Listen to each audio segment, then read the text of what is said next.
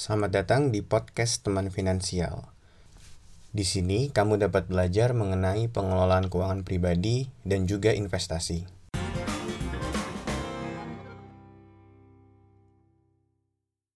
Halo semuanya, ketemu lagi sama aku di podcast Teman Finansial.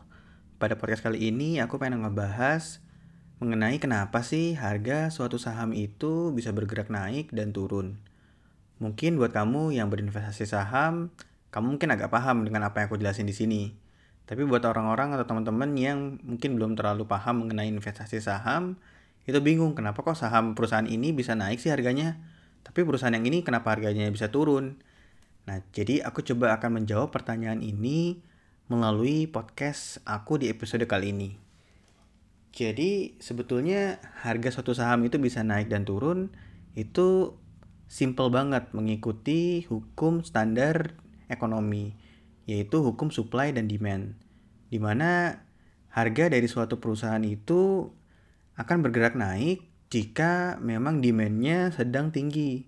Sedangkan dia akan cenderung untuk bergerak turun harga dari suatu perusahaan itu ketika demandnya itu sedang turun.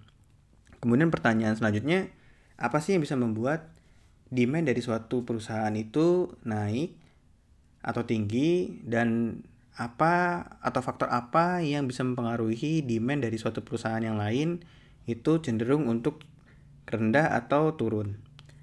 Jadi kalau misalkan kita lihat dulu dari sisi demand dari suatu perusahaan yang tinggi ya. Ada dua faktor utama yang bisa membuat demand dari perusahaan ini tinggi.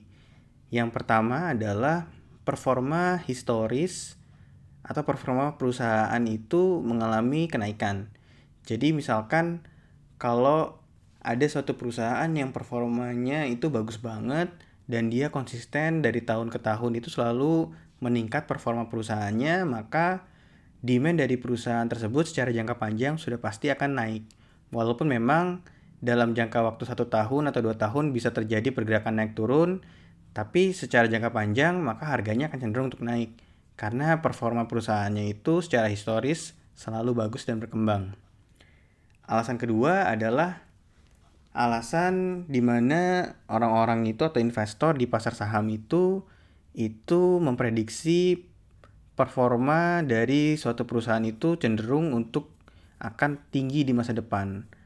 Nah, kalau yang kayak gini biasanya memang secara historis suatu perusahaan itu belum terbukti bisa mengembangkan performa perusahaannya dengan secara konsisten, tapi investor melihat ada potensi-potensi si perusahaan ini bisa naik.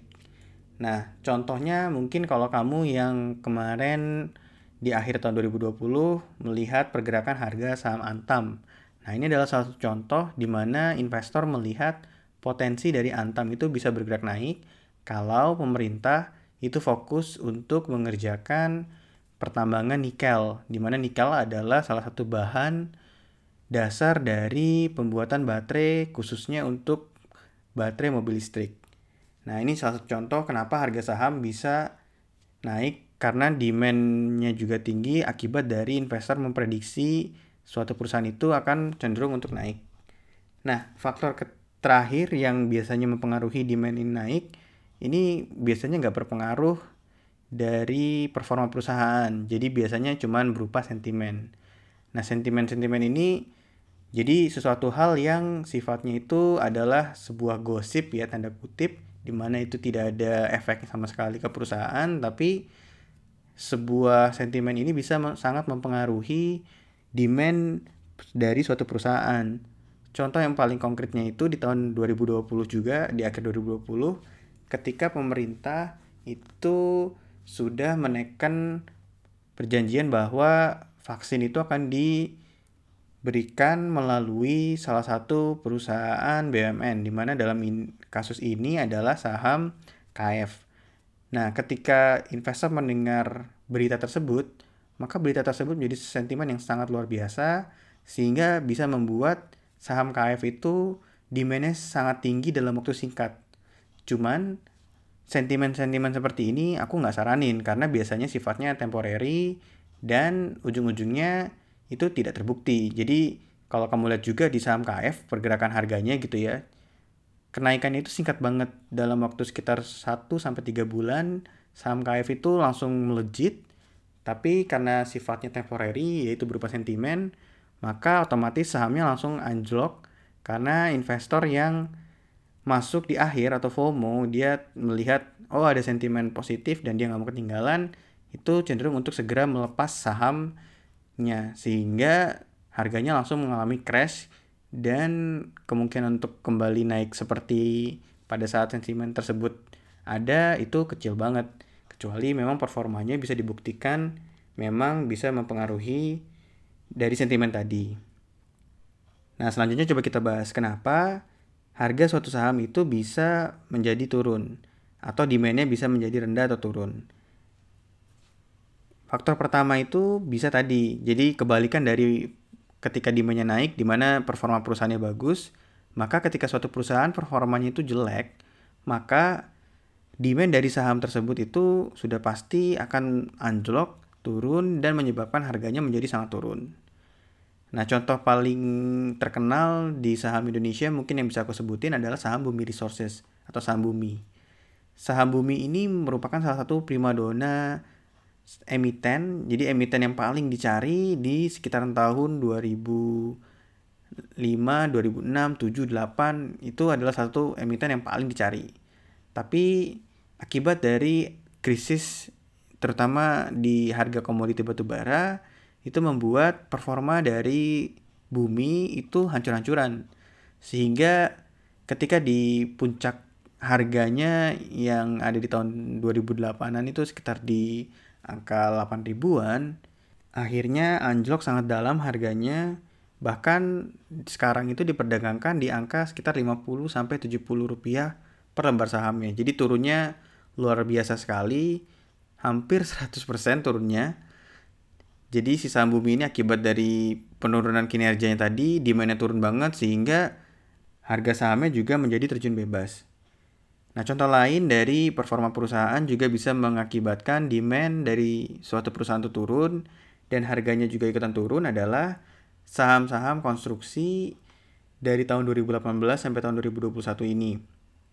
Contoh yang aku ambil di sini adalah saham Waskita ya. Jadi dari tahun 2018 ke tahun 2021 kecenderungan dari performa perusahaan Waskita ini itu cenderung menurun. Bahkan semenjak pandemi waskita itu gagal mencatatkan profit dan mengalami kerugian yang cukup besar. Selain itu, dari tahun 2018 sampai 2021, nilai hutang dari waskita itu cenderung meningkat.